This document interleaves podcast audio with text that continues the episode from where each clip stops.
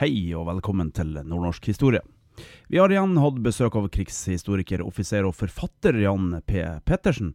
Og mens vi babla i vei som vanlig, så kommer en overraskelse på programlederen. I de kaotiske vårdagene 1940 så danna general Fleischer et felles administrasjonsråd for Nord-Norge.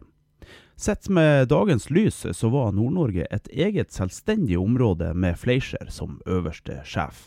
Hele samfunnet ble satt i sving, og alle bidro. Nord-Norge viste seg som en sterk, selvstendig enhet, og ga verdens sterkeste hær sitt første store nederlag. Nordnorsk ungdom under stabil, god ledelse gjorde en motstand som ingen hadde forventa. Samtidig så laga norske myndigheter, de allierte og hærens overkommando krøll og motstand til den norske hæren. Men her er historien om vår første nordnorske president. Og når du sier her, så blar du i, i XU-boka? Da blar jeg i, i Nei, da blar jeg i Kampen Kampen om historie. Det er var divisjon. Ja. det var den, altså. Og det er 41 navn, og, og, og de har aldri vært offentliggjort skal vi si, utover den avisinnlegget i, i, i 48, altså som jeg en gang som jeg har fått tilsendt senere, at da sto det med små skrifter og, og sånn. Ellers har det aldri vært et, tema. Eh, Bare et sånt lite eksempel. Han eh, jeg, jeg begynte med så, Det var én av de her som, som fikk eh, eh, Fra Trondheimsbataljonen som fikk eh, Sankt Olav med ekegren. Han het eh, Munkvold. Der. Kristoffer Munkvold, lagfører KP8, 2. bataljon i R16. altså. Det er ikke 2. bataljon, men det som vi kaller for eh, Lyngen bataljon. Han var der, men han var fra Harstad. Og han var mitraljøse lagfører. Han var sivilansatt i Åsegarden leir på 70- og 80-tallet, da jeg var der. Jeg tjenestegjorde i lag med han i tre perioder. Ante ikke at han var en av de høyst dekorerte menige. Av, av menige og korporaler var det tre stykker som fikk St. Olav i hele det norske hæren i 1940. Og han var altså en av dem. Og ingen av de som tjenestegjorde på 70-tallet, visste det. Kristoffer Munkvold. Kristoffer Munkvold Men hvem, hvem, hvem var han? Han var en helt alminnelig mann som ble mitraljøselagfører. Og gjorde en kjempejobb da eh, Munter Kåss-bataljonen, altså Lyngen-bataljonen, lå ved jernbanene og skulle angripe over de øvrige jernbanene opp i, i sluttfasen av krigen. Så ble den liggende under tung mitraljøsild fra tyskerne på andre sida. Måtte løse inn og trekke ut. var før de gjorde den flankemarsjen over fjellet og gikk ned til For, for når du sier i slutten av krigen, så mener du slutten av, Av, av felttoget. Ja, ja, det, det, ja. det, her var i slutten av, av, av juni. Ja. Og da klarte han, sammen med midtelløse-gjengen sin, altså de var en to, to, muligens tre stykker, å gi så mye nedholdende ild til tysken at det kompaniet til eh, klarte å trekke seg ut uten noe særlig tap. Og det gjorde at han fikk den ekstraordinære medaljen som eh, St. Olav med ekegren var. Det var en det her var menige soldater. Det var jo flere offiserer som fikk det. Det var en på under Svalbard-operasjonen som fikk det. Og så var det en til, og så var det han her. Så uh, ut, ut kampene i Nord-Norge de to månedene så var han den eneste menige eller korporal som fikk St. Olav for den innsatsen der. Og det var altså overhodet ikke kommunisert. Jeg snakka med en felles kjent av som, kjente, som var fra Harstad, som har tjenestegjort i Harstad hele sitt liv omtrent. Aldri hørt om det, siden. Så du vet at en anonymisering av dette her, de gjorde ikke mye vesen av seg. Og, og, og, eh, så er jeg jo litt sånn stolt over å få, få, få denne historien frem, men, men, men den har jo ikke De, de tidene har jo gått, så den bryr seg jo ikke lenger, altså. Nei. Men, men hva spesielt var det han gjorde? Var så treffsikker? Eller? Nei, han, han, han, han var eh, han, eh, Det han gjorde, som står beskrevet der, at han, han og laget hans ga en, en usedvanlig god dekningsild. For kompaniet kom ikke frem og ble liggende under tung ild. Slik at de måtte ha eh, altså, ild fra egne for å holde den tyske nede. Og de skøyt godt og traff godt. Og klarte å gi sånn dekningsild at det, kompaniet klarte å løsrive seg og komme seg tilbake uten tap. Ellers kunne det ha blitt en, en, en katastrofe. Slik at det gjorde at han, han, han fikk St. Olav for den, den innsatsen der. Altså. Så det, det er veldig sånn eh, Det, det er de der type historier jeg syns det er artig å få frem. øh, Det, det har vært altfor lite blest om det, og de sjøl sa jo ingenting etter krigen. Og som sagt, vi i Forsvaret har jo ikke vært flinke akkurat til å få det her frem. Nei. Men sånn som han eh, Nå var han lagfører, så han hadde sikkert litt fartstid. Men det var jo flere gutter herifra som hadde ingen fartstid. Ja, nei da, han hadde ikke mer fartstid enn de andre, men de samme guttene her eh, gjorde jo helt fantastisk godt altså, i Hyllemo-bataljonen. De er 150 fra Lofoten og Vesterålen. altså det er jo altså, nesten, Jo mer jeg leser om det, det er jo kjernetroppene. De er jo lofotingene og, og, og, og, de andre. Og det, er jo, det var jo på mange måter det, det spesielle er jo litt sånn samme som man opplevde under, under, vinterkrigen i Finland, at de var jo rekruttert fra bygder. Her var jo faktisk folk, mange fra Bjørnskinn, mange fra Berberg, mange fra Bleik. Og det var jo ofte i familie med hverandre. Kjente, naboer, de kjente hverandre også. De kjente hverandre fra før. Mm. Og det syns jeg går igjen i historien. At de, de hadde en, en, en, kjennskap til hverandre og en lojalitet til hverandre som gjorde at det også var en drivkraft i, i, i innsatsen. Virka sånn på meg, i hvert fall. Ja.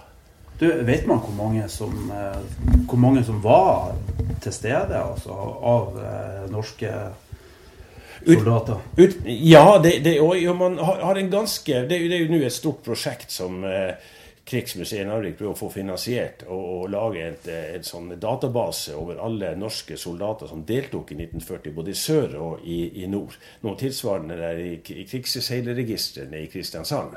Ja. Eh, det her skulle vært mange år siden. Nå ser det ikke ut som de får penger i, i første omgang, da. men når det gjelder eh, sjette divisjon, så vet man det meste om eh, de stridende bataljonene. Men man vet antagelig ikke nok om forsyningsavdelinger og, og, og, og de som var sanitet og sånn. Man vet noe. Men det henger jo også sammen med at det har vært en del branner i de arkivene, bl.a. i R16, som gjorde at noe antagelig går tapt for, for, alltid. Men de prøver etter hvert å, å, å rekonstruere. så man, Disse her bataljonsbøkene har jo kommet med ganske mye av dette her, men, men der er huller i det. Ja. Og jeg, Altså Etter hvert eneste foredrag eller et eller annet, så kommer det en e-post og spør om, om, om, jeg kan prøve å finne ut hva han eller han gjorde. Senest i dag, før jeg gikk opp hit, kom det via en kontakt i Finnmark en som lurte på hva faren, hvor han var. Han oppga navnet på han, og han vet han var med, men hvor er han hadde vært. Og du, og du, klarer å finne dem? Ja, jeg klarer i den grad at det, at det, finnes i en av de bøkene. Så klarer jeg å, å, å finne. Og finner ikke jeg, så bruker jeg trigge en par andre kollegaer som er enda flinkere til å lete. sånn. Så ja. vi, vi, vi, vi, syns det er litt viktig å prøve å hjelpe i den grad vi har mulighet for å, å, finne et svar. Så gjør vi det. For vi ser jo at uh, dette er jo de, skal jeg si rett ut, en av de trasige tingene i ettertid, i tillegg til den dårlige behandlinga de fikk med hensyn til pensjon det er kunnskapen om hva de var med på. For det er gjennomgående. Jeg tror jeg snakka med flere hundre etterkommere som sier at han far eller han bestefar han sa ingenting. Ja. De lukka seg inn i seg sjøl. Ja. Og, og, og, med hvert, kanskje hvis en med spesielle omstendigheter kunne kanskje si noe, men det var veldig lite. De aller, aller fleste sa ingenting. Og så kommer det frem etter hvert, eh, når de blir eldre, traumene, eh, svettetuktene, altså marerittene og, og, og, det kom frem. slik at de skjønner jo at noe har de vært med på. Og det som skjer, det er at eh, barn og barnebarn synes blir mer interessert i det. De vil gjerne vite hva var det som lå bak det der, og så kommer de og spør nå. Ja. Det er jo synd, fordi at denne type graving som jeg delvis gjør, og skriving det Kommer litt for sent?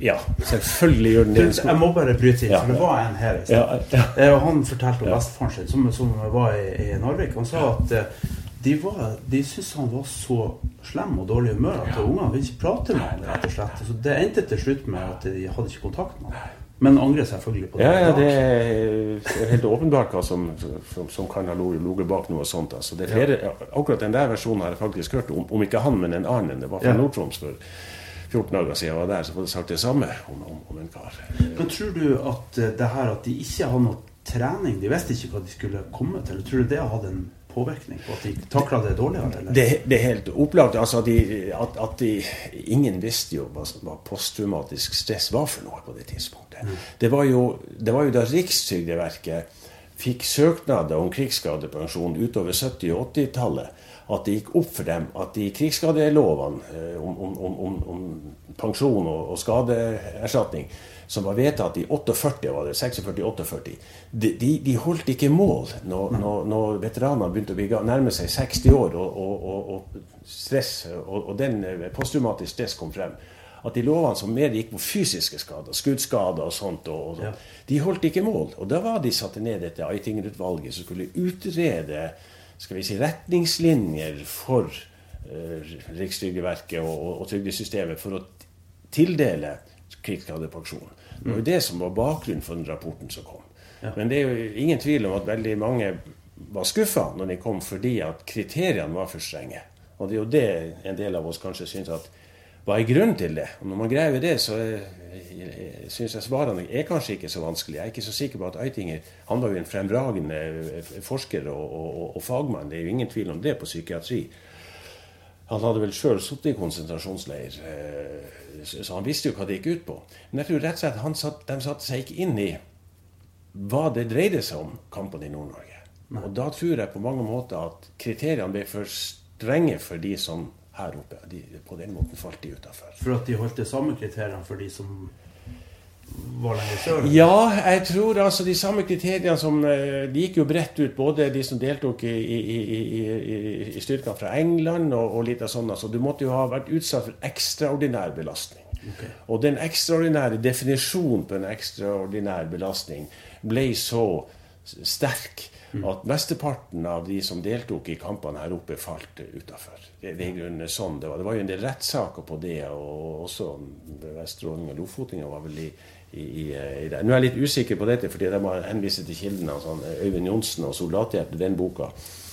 Men dette, dette, var en trasig affære, altså, rett og slett. Og spesielt når man ser på debatten i Stortinget om, om grunnlaget for dette her. Eh, det, det, det, det er trist. altså. Her, her svikta nasjonen, eh, og veldig mange var, var, var skuffa. Ja.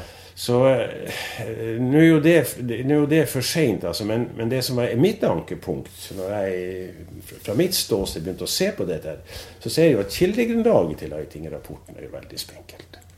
Hvem som har, har, har, vært ansvarlig for å gi grunnlaget? Ja, nei, det, er jo, det, er jo, det, er jo, gruppen sjøl. Han hadde jo samla fremragende eh, leger og psykiatere, en to-tre stykker, som skulle være en jurist og som skulle være krigsveteran eh, med. og dette. Ja. Men når man ser på det likevel, for det, i, i, rapportens eh, Som enhver annen bok, så er det jo en kildehenvisning. Og når du ser på dem, så ser du jo at han har jo ikke grunnlag for å vurdere her oppe.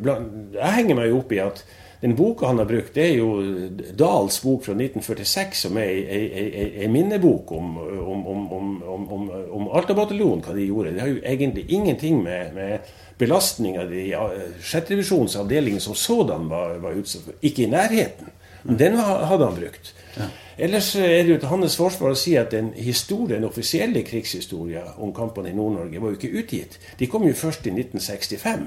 Men så midt under arbeidet til, til, til det her, de utga den her i, i 68 med Trygve Sandvik. Og det var jo Forsvarets krigshistoriske avdeling som kom ut. Trengte 20 år på brennelige dokumenter? 20-25 år. Eh, de, de, de, begynte i 1952 med en serie om krigen i Norge, og ga ut 14 bind i perioden 52 til 72. Men så eh, bind nummer 12 eh, og 13, det var kampene i Nord-Norge, og de kom ja. i 1965. Det skulle altså gå 25 år før de fant det opportunt å inn ut om krigen i Nord-Norge, som varte i åtte uker. Mens Gloppedalsura og alle de andre store slagene i Sør-Norge, ære være det de gjorde, men de var kommet ti år før. Ja. Så jeg mener at den, den nasjonale prioriteringa og forståelsen av felttoget i Nord-Norge, den var ikke til stede. Unnskyld at jeg sier det, den er delvis ennå ikke til stede i, i, de institusjonene eh, eh, eh, sør. Mm. Eh, så, så, det blir jo liksom litt harde ord, men jeg, jeg tror vi må kunne tørre med hvert å eh, sette saken på spissen, for der sitter den som kjent relativt godt. Ja. Uh, og, og, og, for å få dette frem, for det er jo helt åpenbart at dette ikke var rett. Og når du ser på den, dokumentasjonen som Eiting-utvalget kunne ha brukt, så er det jo det faktisk den eneste, og det er jo de såkalte fektingsrapportene som alle ledende offiserer, altså kompanisjefer og, og sjefer derover bataljonen, brigade og sånn, skrev. Eh, etter pålegg faktisk fra eh, det var vel administrasjonsrådet som ga det ut allerede rett etter kapitulasjonen, at de, skulle, de lagde en, en, en disposisjon, og her skulle alle kompanisjefer gi en, en, rapport etter den malen der. Ja. Og den, ble, den finnes i, i originalversjon. Jeg har to to-tre to, tjukke permer hjemme med kopi av alle de her som er grunnlaget for mitt arbeid. Slik at det ikke er vanskelig å, å, finne hvis man hadde vært oppmerksom på det og, og ville. Den eneste fektingsrapporten som uh, jeg finner ut at Eiting-utvalget brukte, det var den til oberst Getz, som var sjef for 5. brigade i Nord-Trøndelag som hadde ingenting med dette å gjøre. Han kapitulerte 30. april. Slik at det, det, det, er ikke til å forstå at ikke de rapportene som omhandla kampene i Nord-Norge for offiserer som deltok i to måneder i Nord-Norge, lagt til grunn. Og Hvordan kan du da si at mesteparten av 6. divisjons avdelinger ikke falt innenfor kriteriene for å ha vært ute i hardt vær, ja. når du ikke har satt deg inn i hva det harde været egentlig skulle bestå i? Ja. For sikkerhets skyld. For sikkerhets skyld. Ja. Og når man da ser på Rikstrygdeverkets behandling, så har jeg tillatt meg å, å, å sparke hardt på, på, den, men jeg har ikke fått noe svar på tre år på det. Og det er at de Stortinget, eller det blir nevnt et utvalg, et råd, som skulle gi saksbehandle dette her eh, søknaden etter hvert som de kom inn. Og, og, og det skulle bestå av krigsveteraner. Jeg har eh, ikke funnet ut at de eh, avga noen årsrapport. Jeg har ikke funnet ut hvem som satt der, annet enn at de satt der veldig lenge. For det har funnet ut at i 2005, unnskyld, 2001 så kom det en melding fra Stortinget at de skulle oppløse dette rådet fordi at veteranene ville bli så gamle de kunne ikke oppnevnes i nye veteraner til å sitte i råd og vurdere det. Okay.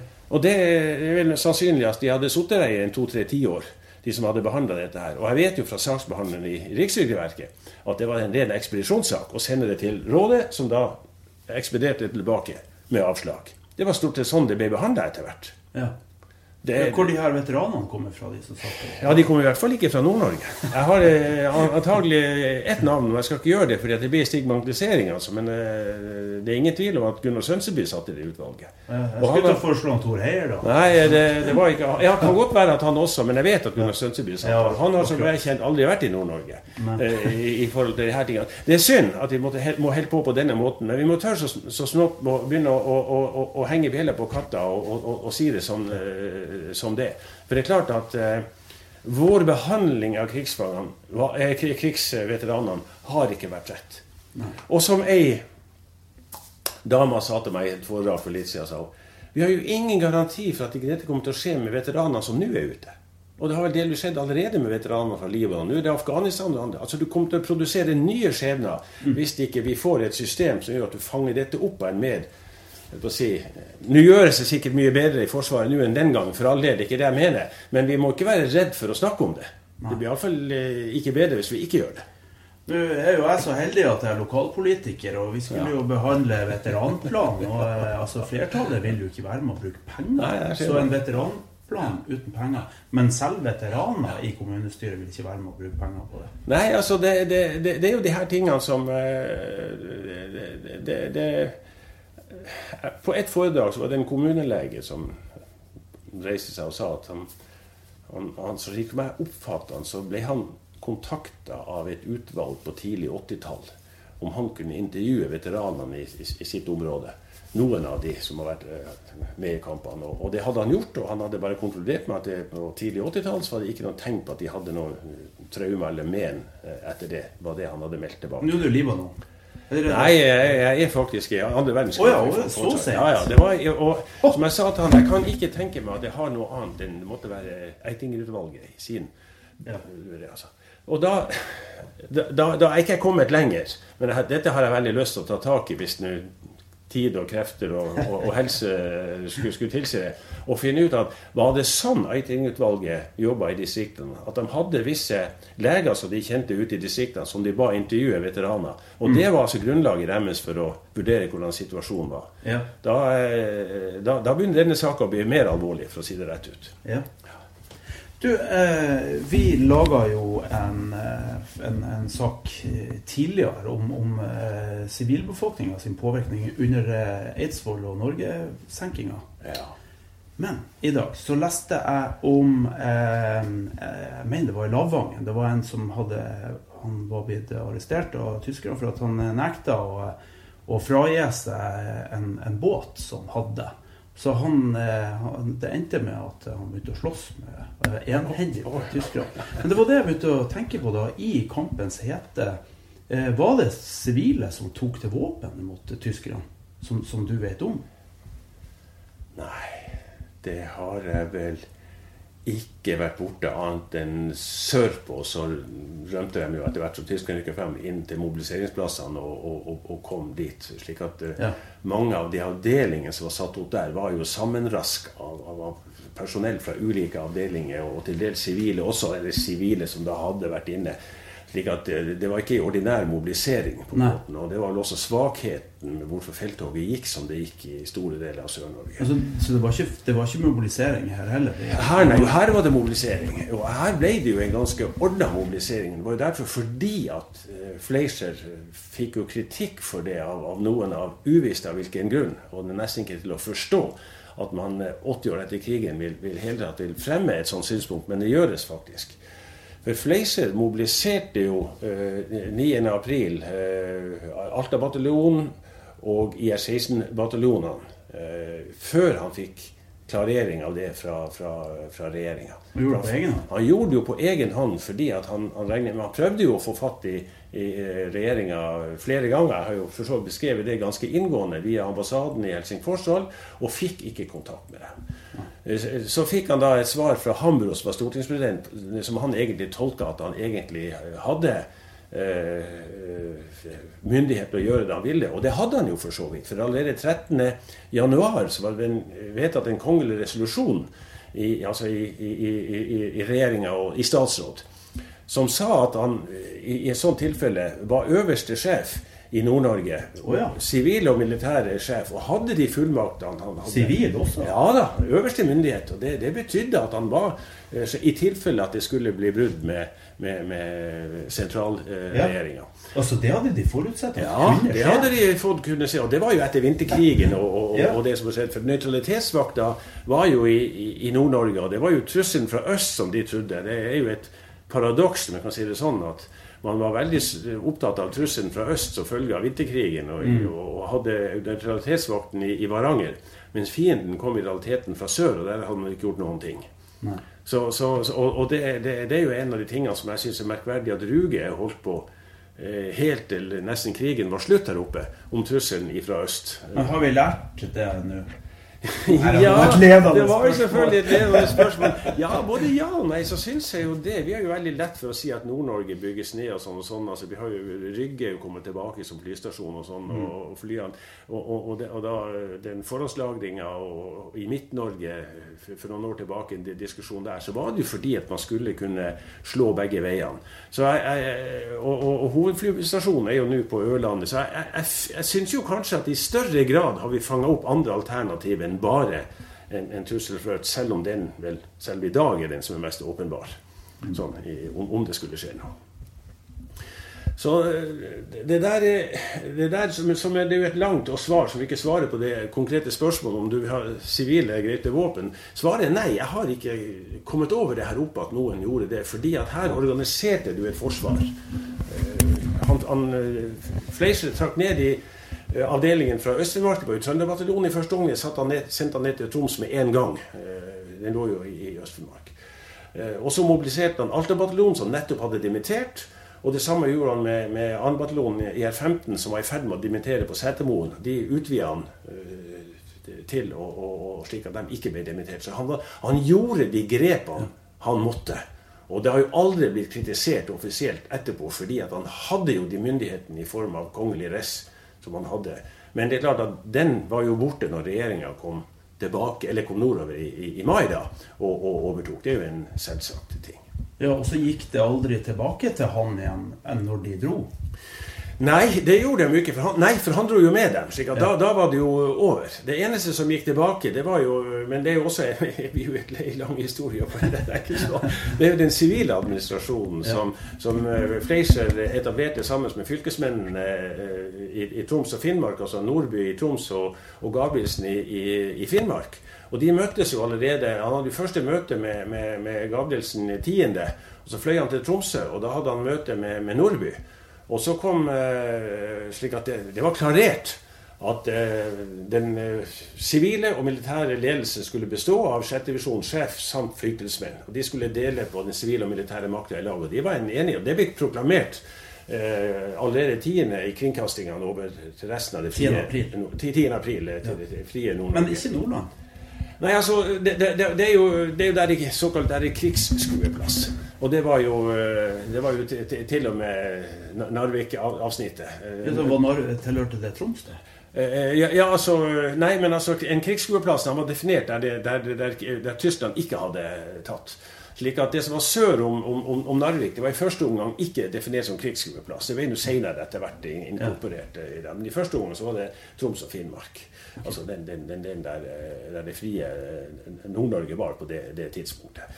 Så Nordland var på mange måter litt på sidelinjen. Det begynte å trukket inn etter, etter hvert. Så, så, han var egentlig den første presidenten i Nord-Norge?